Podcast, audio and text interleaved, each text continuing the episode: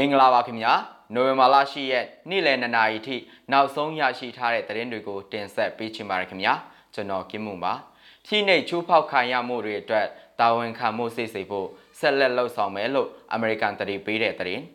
ပလဲမြို့နယ်မှာစစ်ကောင်စီတပ်ဖွဲ့ကို၃ချိန်မိုင်းဆွဲတိုက်ခိုက်ပြီးတီဆုံးသူနဲ့ဒဏ်ရာရရှိသူတွေရှိတဲ့သတင်းမော်ရမြိုင်မြို့မောင်ငါရက်ကွက်မှာတပ်ကြပ်ဟောင်းတအူးပြစ်တက်ခံရတဲ့သတင်းဆူရန်မှာ အာနာသိမ့်မှုကိုစန့်ကျင်တဲ့အာနာဖြေဆိုင်ရေးလှုပ်ရှားမှု CDM စတင်တဲ့တဲ့ရင်အစရှိတဲ့တဲ့ရင်တွေကိုတင်ဆက်ပေးတော့မှာဖြစ်ပါတယ်ခင်ဗျာပထမဆုံးတင်ဆက်ပေးခြင်းတဲ့တဲ့ရင်ကတော့ချိနှိတ်ချိုးဖောက်ခံရတဲ့မြန်မာပြည်သူတွေအတွက်တရားမျှတမှုနဲ့တာဝန်ယူမှုတာဝန်ခံမှုစိတ်စေဖို့ဆက်လက်လှုပ်ဆောင်မယ်လို့မြန်မာနိုင်ငံရဲ့ရွေးကောက်ပွဲတစ်နှစ်ပြည့်နေ့2022ခုနှစ်နိုဝင်ဘာလ10ရက်နေ့မှာအမေရိကန်ကထပ်မံတတိပေးထားပါတယ်။ အမေရိကန်နိုင်ငံခြားရေးဝန်ကြီးအန်တိုနီဘရင်ကင်ကကြီးညံချက်ထုတ်ပြီးကတိပေးခြင်းဖြစ်ပါတယ်။မြန်မာနိုင်ငံရဲ့နိုဝင်ဘာလ10ရက်ရွေးကောက်ပွဲနှစ်ပတ်လည်နေ့မှာဒီမိုကရေစီလမ်းကြောင်းပေါ်ပြန်လည်ရောက်ရှိရေးလူအခွင့်အရေးကိုလေးစားလိုက်နာရေးနဲ့နိုင်ငံတော်တွင်တရားဥပဒေစိုးမိုးမှုစိတ်စေရေးအတွက်ကျူးပန်းအားထုတ်နေကြပြီးကျူးပန်းအားထုတ်ရင်းအသက်ပေးခဲ့ကြရသောအပြစ်မဲ့ပြည်သူပေါင်း1300ကျော်အပါအဝင်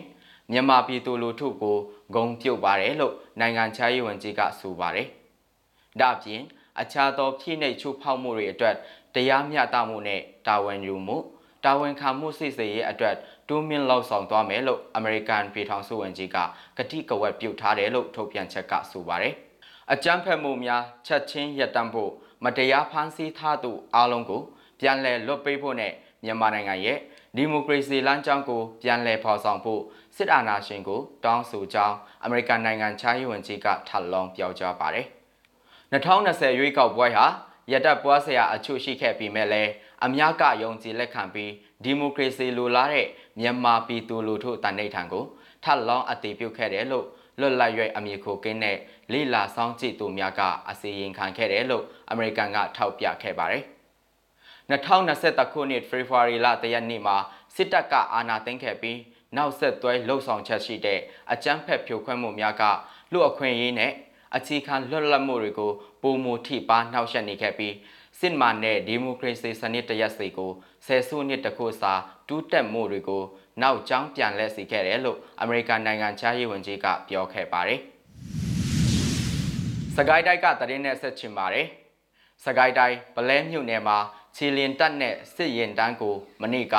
နွေမာလာ9ရက်ကမိုင်း3ခါဆွဲတိုက်ခိုက်ခဲ့ရာစစ်ကောင်စီတပ်ဘက်မှတီဆုံးသူနဲ့ဒဏ်ရာရရှိသူတွေရှိတယ်လို့ပလဲပီတုကာကွယ်ရေးတပ်ဖွဲ့ရဲ့တာဝန်ရှိသူတွေကပြောပါတယ်။ကန်တောင်ကြီးရွာကနေခြေလင်ထက်လာခဲ့တဲ့အင်အား20ခန့်ပါတဲ့စစ်ကောင်စီတပ်ကိုမနေ့ကမနေ့9နာရီခွဲအချိန်က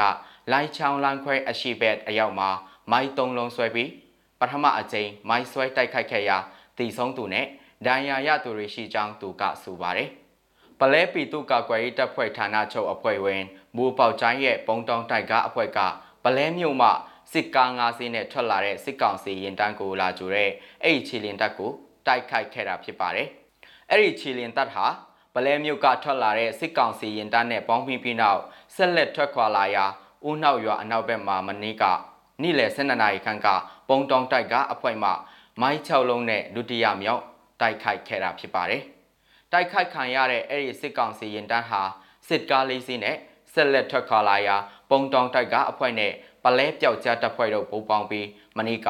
ညနေ9နာရီခွဲခန့်မှာလိုင်းချောင်းအနောက်ဘက်မှာမိုင်းလေးလုံးခွဲပြီးတော့တတိယအကြိမ်တိုက်ခိုက်ခဲ့ပါတယ်။မနေ့ခင်း9နာရီခွဲစစ်ကြောင်းကပလဲကထွက်လာတဲ့စစ်ကား9စီးကိုလာကြိုတဲ့ခြေလင်တပ်ပေါ့ပထမအကြိမ်မိုင်း3လုံးဆွဲတဲ့ ဒုတိယအခါလာကြိုတဲ့အဖွဲ့နဲ့ဗလဲကဆင်းလာတဲ့အဖွဲ့နဲ့ပေါင်းမိပြီးသွားတယ်အဲ့ဒါကိုအိုးနောက်ရွာရဲ့အနောက်ဘက်မှာမိုက်6လုံးဆွဲလိုက်တယ်တတိယတစ်ခါကကားငါးစီးကိုလေးစီးပဲထွက်လာတယ်အဲ့ဒီကားတွေကို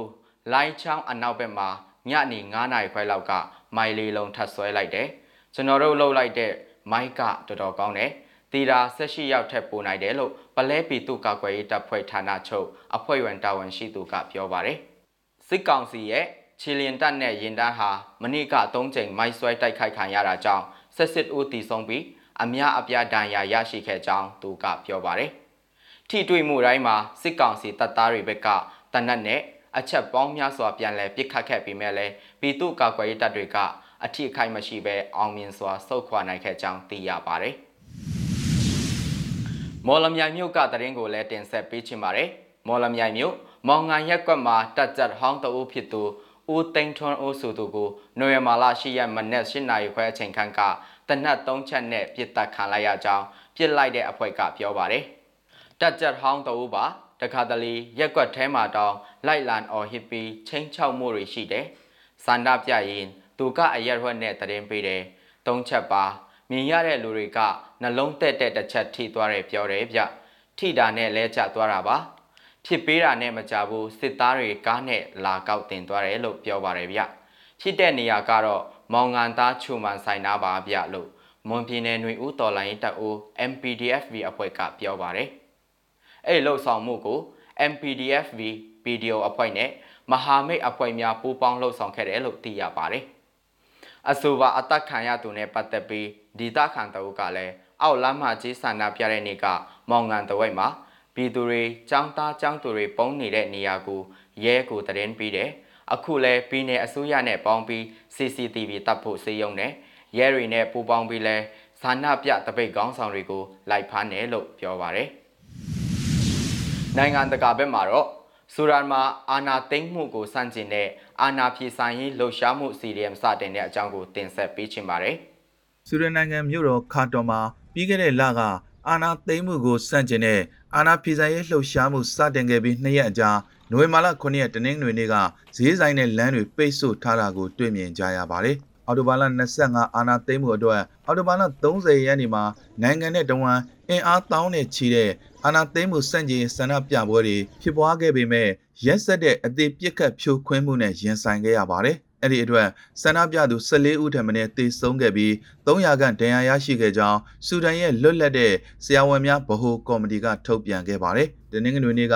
အာနာဖီဇန်ရေးလှုပ်ရှားမှုလူထုစုဝေးပွဲတစ်ခုမှာဆူဒန်လုံခြုံရေးတပ်ဖွဲ့ဝင်များကမျက်ရည်ယိုဘုံတွေနဲ့ပစ်ခတ်ခဲ့ပါတယ်။ဒါဇင်ပေါင်းများစွာသောကျောင်းဆရာမတွေဟာ စစ်အုပ်ချုပ်ရေးအလိုမရှိဆိုတဲ့ဆိုင်းဘုတ်တွေကိုကင်ဆောင်ပြီးမြို့တော်ခါတွန်ရဲ့ပညာရေးဝန်ကြီးဌာနရှေ့မှာအရက်သားအုပ်ချုပ်ရေးကိုအပြည့်အဝအသွင်ကူးပြောင်းရေးအတွက်တောင်းဆိုခဲ့ကြပါတယ်။ပညာရေးဝန်ကြီးဌာနရှေ့မှာဘာတန်ရဲ့ဆုံးဖြတ်ချက်တွေကိုငြိမ်းချမ်းစွာဆန္ဒပြဖို့ကျွန်တော်တို့စီစဉ်နေပါတယ်လို့နိုင်ငံရဲ့ထိပ်တန်းဗိုလ်ချုပ်ကြီးမိုဟာမက်အက်ဘ်ဒယ်ဖက်ဒါအယ်ဘာဟန်ကိုစန့်ကျင်ဆန္ဒပြရာမှာပါဝင်ခဲ့တဲ့ပထဝီဘာသာပြဆရာမိုဟာမက်အယ်အမင်းကပြောပြခဲ့ပါတယ်။ ကျွန်တော်တို့ကလမ်းပေါ်မှာဆိုင်းဘုတ်တွေကင်ပြီးဒီနေ့ရက်နေုံရက်နေပေမဲ့နောက်ပိုင်းမှာရဲတွေကမျက်ရည်ယိုဘုံတွေနဲ့ပြစ်ခတ်ခဲ့ပါတယ်လို့၎င်းကဆိုပါတယ်။အသေးပြောက်အတိအကျမသိရသေးပေမဲ့ဆရာဆရာမ89ဦးခန့်ကိုဖမ်းဆီးထိန်းသိမ်းထားကြောင်းအာနာဖီဇန်ရေးလှုံ့ဆော်ထားတဲ့နိုင်ငံလုံးဆိုင်ရာစူဒန်ပညာတတ်များအစည်းအရုံး SPA ကဆိုပါတယ်။အာနာသိန်းစစ်ကောင်းဆောင်တွေရဲ့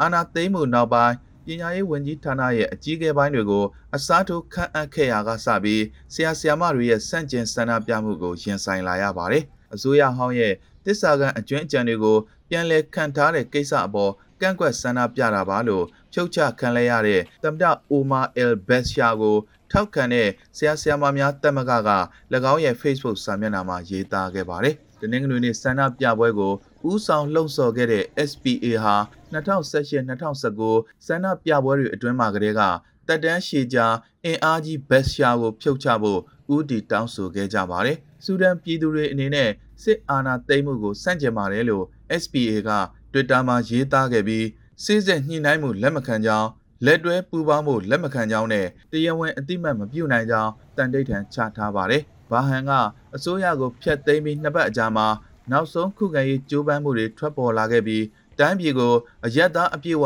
အုပ်ချုပ်ရေးအတွက်ဥတီလှုပ်ဆောင်မဲ့စစ်ဖက်အရက်ဖက်ပူးတွဲအုပ်ချုပ်ရေးကောင်စီကိုပါဖျက်သိမ်းလိုက်ပါတယ်။ဘာဟန်ဟာအရေးပေါ်အခြေအနေကြေညာခဲ့ပြီးဆူဒန်ရဲ့အရက်ဖက်ခေါင်းဆောင်ကိုထိန်းသိမ်းခဲ့ပါတယ်။ဝန်ကြီးချုပ်အဗ်ဒူလာဟန်ဒေါ့ကိုခေတ္တဖမ်းဆီးထိန်းသိမ်းခဲ့ရာက နောက်ပိုင်းမှာနေအိမ်အကျေကျုပ်ချထားလိုက်ပါတယ်။ဂျာတာပရီနေကအစိုးရအဖွဲ့ဝင်အရက်သား၄ဦးကိုစစ်တပ်ကပြန်လွတ်ပေးခဲ့ပေမဲ့အခြားသူတွေကိုဆက်လက်ထိန်းသိမ်းထားခဲ့ပါတယ်။အဲ့ဒီနေ့မှာပဲလုံခြုံရေးတပ်ဖွဲ့တွေဟာဆူဒန်နိုင်ငံဆိုင်ရာကုလအထူးကိုယ်စားလှယ်ဝိုကာပါတီနဲ့ဆွေးနွေးခဲ့ပြီးတဲ့နောက်ခါတိုမြို့ရှိကုလသမဂ္ဂအဆောက်အုံတစ်ခုအနည်းကအရက်ဘက်ခေါင်းဆောင်တွေကိုဆက်လက်ဖမ်းဆီးခဲ့ပါတယ်။ နိုင်ငံရေးသမားတွေနဲ့တက်ကြွလှုပ်ရှားသူတွေဖမ်းဆီးတာတွေရပ်ပြီးလူအခွင့်အရေးချိုးဖောက်မှုတွေရပ်တန့်ဖို့စစ်တပ်ခေါင်းဆောင်တွေကိုမိမိတို့တောင်းဆိုပါတယ်လို့ပါတီကတောက်ကြနေမှာထုတ်ပြန်ခဲ့ပါတယ်စစ်အာဏာသိမ်းမှုကိုနိုင်ငံတကာကပြစ်တင်ရှုံချလိုက်ပြီးဒဏ်ခတ်ပိတ်ဆို့မှုအပါအဝင် အကူအညီတွေဖျက်တောက်ဖို့နဲ့အရသာအုပ်ချုပ်မှုကို